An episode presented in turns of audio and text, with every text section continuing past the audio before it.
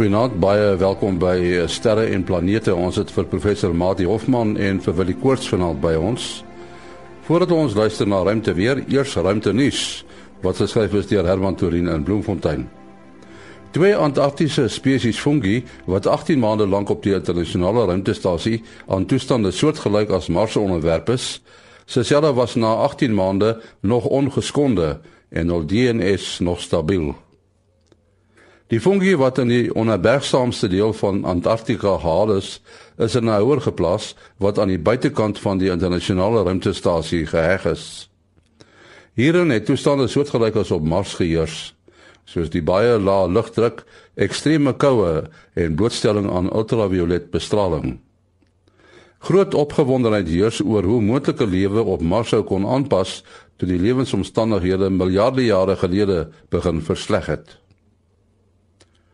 'n Reuse gaswolk bestaande uit hoofsaaklik waterstof is na die Melkweg onderweg waar dit met die botsing 'n skouspel agter gaan ontplof.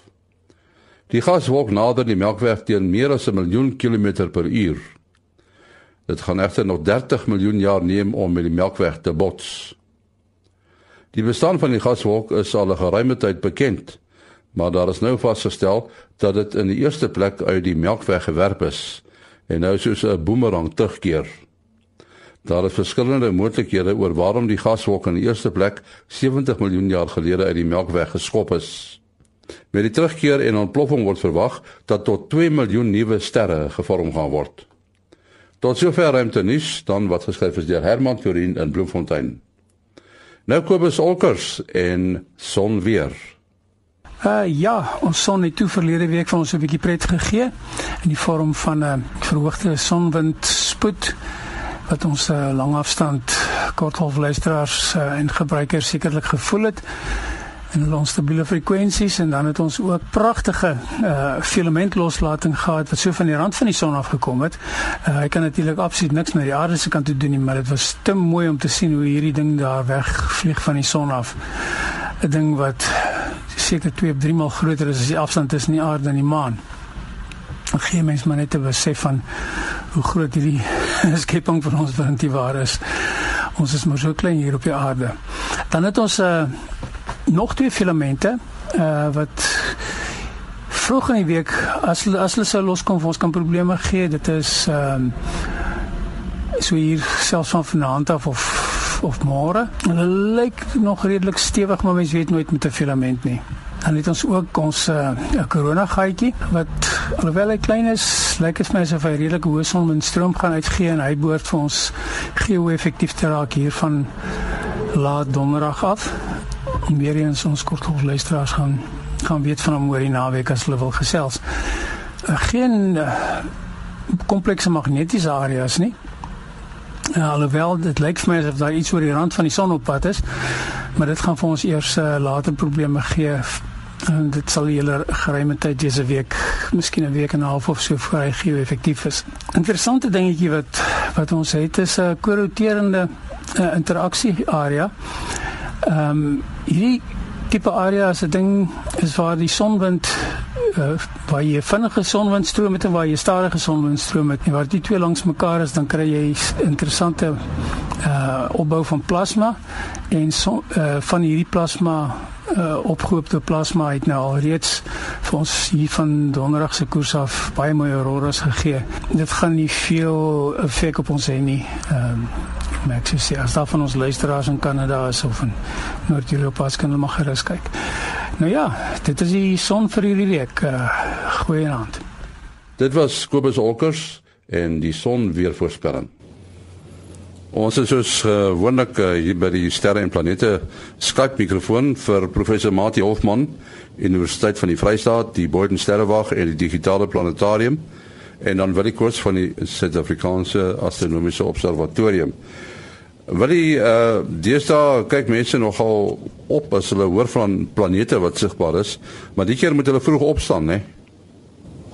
Ja, dis korrek en daar's nou nog al 'n lekker vertoningkie vroegoggende in die ooste en noordooste. Eintlik het begin al van reg noord af bo kan jou kop uh sit Jupiter, die hel, die tweede helderste van die planete. So enkelaar sit Mars en met die ster Spica mooi tussen hulle en uh, dan Saturnus wat altyd so geelerig vertoon en dan Venus wat natuurlik deur die helderste is wat op die oomblik die oggendster is en dan die laaste ouetjie wat bygekom het is Mercurius.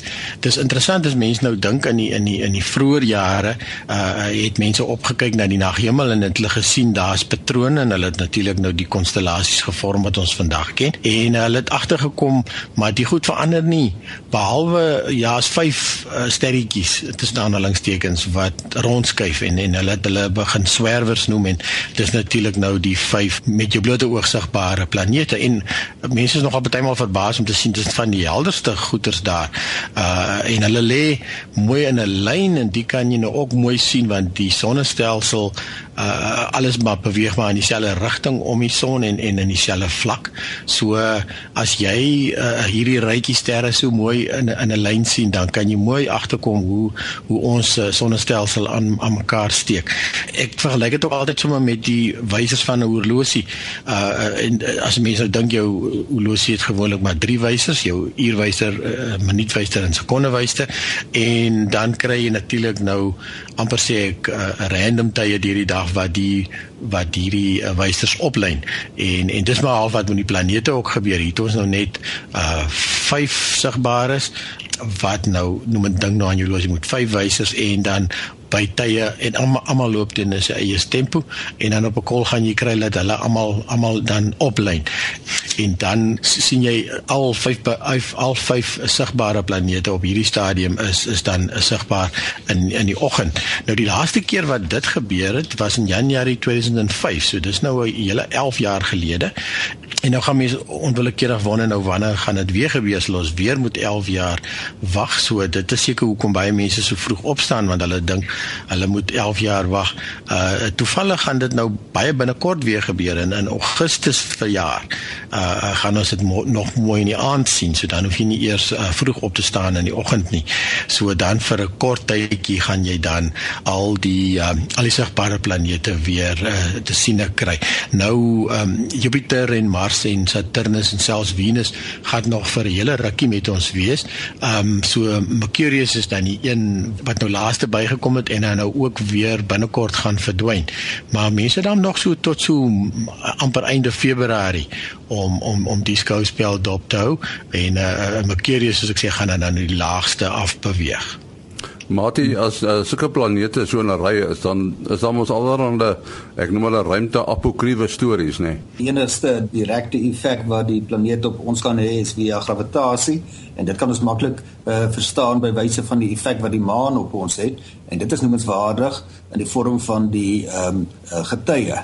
Maar daar is berekeninge gedoen dat as daar nou sê drie groot planete baie naby dieselfde rigting is, sê nou maar uh, uh, Jupiter en Saturnus, uh wat nou naby mekaar lê en dalk 'n derde planeet, dan is die effek wat dit op uh hoogwater het, is 'n klein breekdeel van 'n millimeter.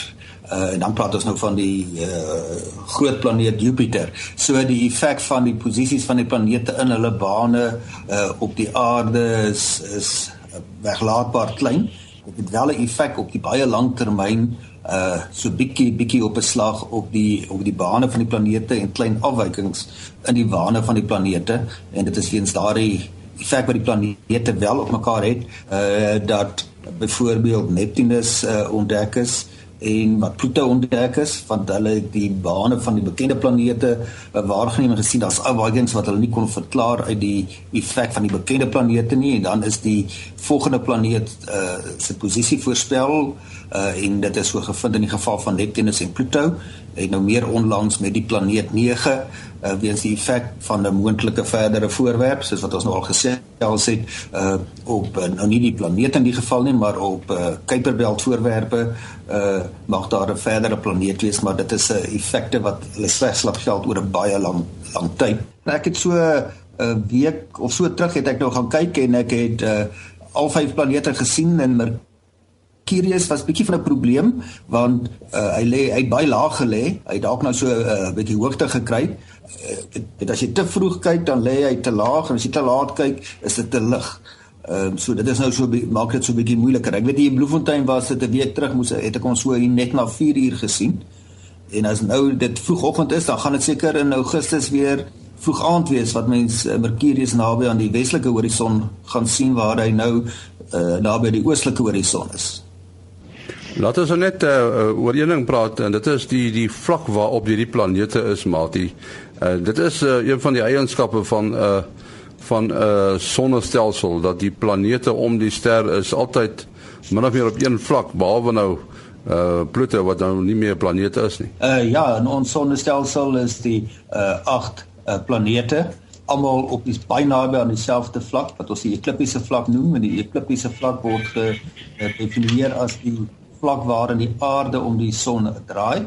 Nou die interpretasie daarvan is dat uh hierdie voorwerpe het 'n gemeenskaplike oorsprong in 'n skuif van materie wat rondom die son gedraai het tot stand gekom as waar hy die son gevorm het oor 'n baie lang tyd. Uh ons sonnestelsel uh, moet mens van gedagte hou bestaan nie net uit die agt planete nie. Daar is uh miljoene asteroïdes hoofsaaklik tussen die in die asteroïdgordel tussen Mars en Jupiter en daardie asteroïdgordel is ook gesentreer rondom die ekliptiese vlak, maar die verspreiding bo en onder die ekliptiese vlak is groter as die van die van die planete. Maar dan kry mense nou die Kuiperbelt voor voorwerpe wat verder as of uh, Transneptunus uh, voorwerpe wat verder weg lê en dis daar waar mens ook die dwergplanete kry. Die dwergplanete uh is is net tot die ekliptiese vlak. Nie. Hulle is taamlik willekeurig in oriëntasie ten opsigte van die ekliptiese vlak uh, gerangskik en dit dui weer op 'n ander historiese oorsprong van daardie voorwerpe. Ehm um, ek is nie seker presies van hoeveel en modelle daar is nie. En as mens nou nog verder gaan, ehm um, dan kan mens nou jou aanvulling sê wel die gravitasie van die son uh, raak swakker, uh, dan begin die verspreiding van die voorwerpe baie uh, wyer raak ten opsigte van die ekliptiese vlak en die hipotetiese oortwolk wat niemand nog direk kon sien nie, uh, word voorgestel as 'n sferiese spul van voorwerpe in hulle miljoene klein voorwerpe en uh, dit is nou die omgewing waar die komete waarskynlik hulle oorsprong het, uh, maar dit is dan nie meer beperk tot die ekliptiese vlak nie. En natuurlik, wil jy daar's nie 'n bo en 'n onderkant in die ruimte nie. Ja, dis reg, mens, uh selfs mense wat baie maal hulle eerste teleskoop koop uh uh en hulle kyk na goed op die land dan kan hulle nie verstaan hoekom is dit goed verkeerd om nie. Ek het nou die dag gehoor van ouens wat gedink het hulle het hulle teleskoop verkeerd te mekaar gesit en hulle het vreeslik gesukkel uh om om die beeld reg op te kry. So omdat daar nou, nou nie eintlik regtig 'n bo en onder in die ruimte is nie, uh maak dit dan ook nou byvoorbeeld saak deur 'n teleskoop uh hoe om dat 'n teleskoop 'n ding omdop nie.